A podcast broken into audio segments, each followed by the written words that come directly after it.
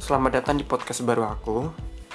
Jadi di podcast ini, aku akan sedikit menceritakan dan mereview beberapa drakor yang sudah aku tonton dan sangat worth it untuk kalian tonton juga. Jadi ceritanya, aku akan sedikit meracuni kalian tentang drakor-drakor tersebut. So, stay tuned.